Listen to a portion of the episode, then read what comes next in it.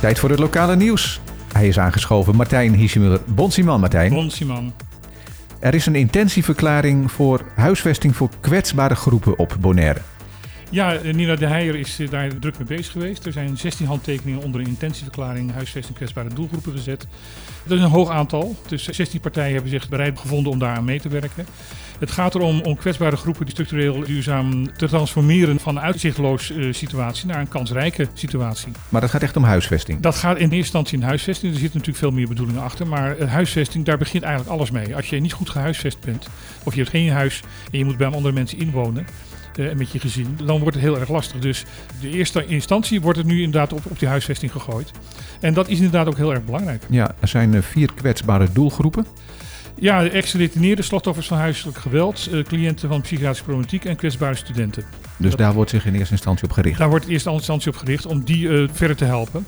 En te kijken of we met, door middel van huisvesting daar een beetje stabielere situatie te, te creëren. Maar dat betekent dat er dus ook meer sociale woningen zullen moeten komen. Er zullen meer sociale woningen moeten komen. Daarom is ook met Fundación Castelbonero een eh, overeenkomst gesloten. Dat er dus ook meer sociale woningen gebouwd moeten gaan worden. En die hebben inderdaad die plannen in de stijgers. Die hebben die plannen in de stijgers. Ik weet dat ze de Fundación al heel lang zitten te duwen. Dat ze geld willen hebben om meer eh, sociale woningen te bouwen. Klopt. Er is nog een andere partij die ook heeft gezegd eh, sociale woningen te gaan bouwen. Maar ik heb begrepen, die hebben inmiddels de plannen weer eens gewijzigd. Ja, niet voor de eerste keer. Dat Ja. gaat over plantage Bolivia. Juist. De Foundation Safe Plantation Bolivia heeft daarop gereageerd. Er is een onderzoek gedaan, uitgevoerd in opdracht van de eigenaar van Landgoed Bolivia, de Bonaire Properties BV. En dat is door een bedrijf gedaan wat buiten Bonaire is. Ik heb zelf het rapport nog niet gelezen, dus ik moet afgaan op wat eh, de stichting nu zegt. Dat is altijd een beetje gevaarlijk. Maar wat zegt hij? Die zegt, eh, de plannen zijn weer gewijzigd. Er was eh, tot nu toe altijd sprake van sociale woningbouw. Dat is volledig verdwenen uit de plannen. Een kwart van de woningbestand moet bestaan uit woningen uit de middeninkomsten. De rest van de woning gaat van 400.000 tot aan een miljoen.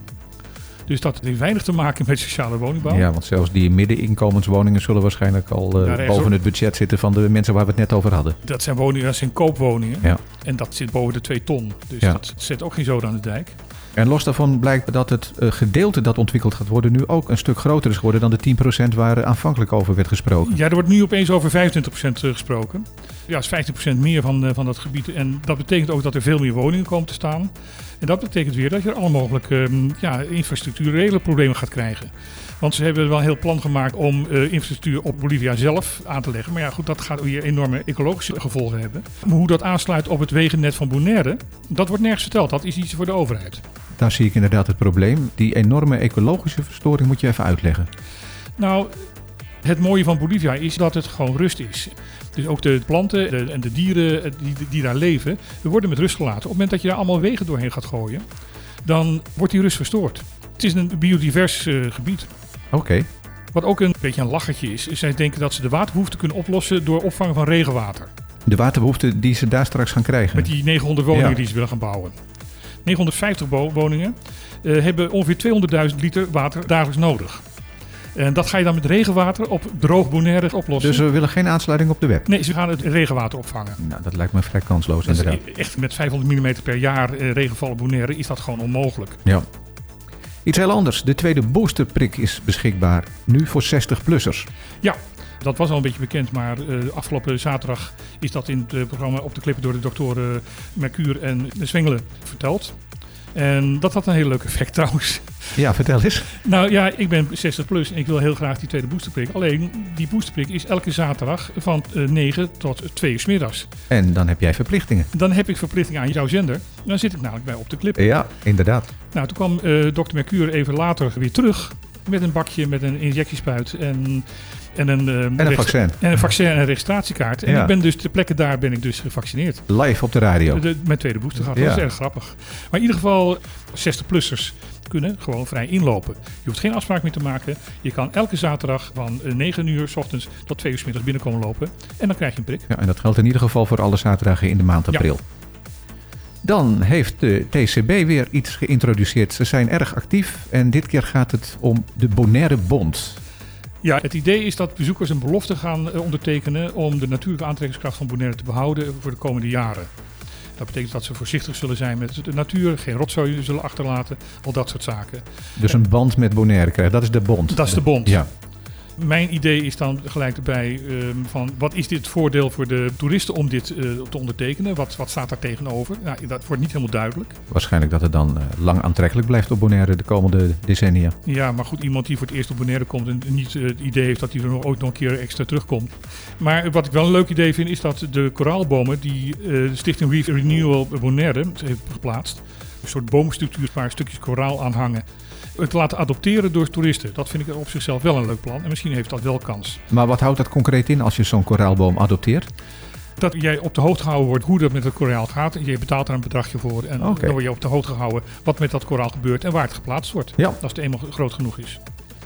Er staat weer een windsurf-evenement op stapel later deze maand, namelijk de King of the Caribbean. Ja, het is een freestyle en slalomwedstrijd. Ehm, ik heb die naam al eerder gezegd en ze wordt nu gezegd van dat het de eerste keer is. De- Ja, in ieder geval wat heel is- bekend voor hoor. ja, maar in ieder geval, het zal waarschijnlijk de eerste keer zijn dat Forza dat organiseert. Want zo heet het ook eigenlijk, hè? Forza King of the Caribbean. Ja.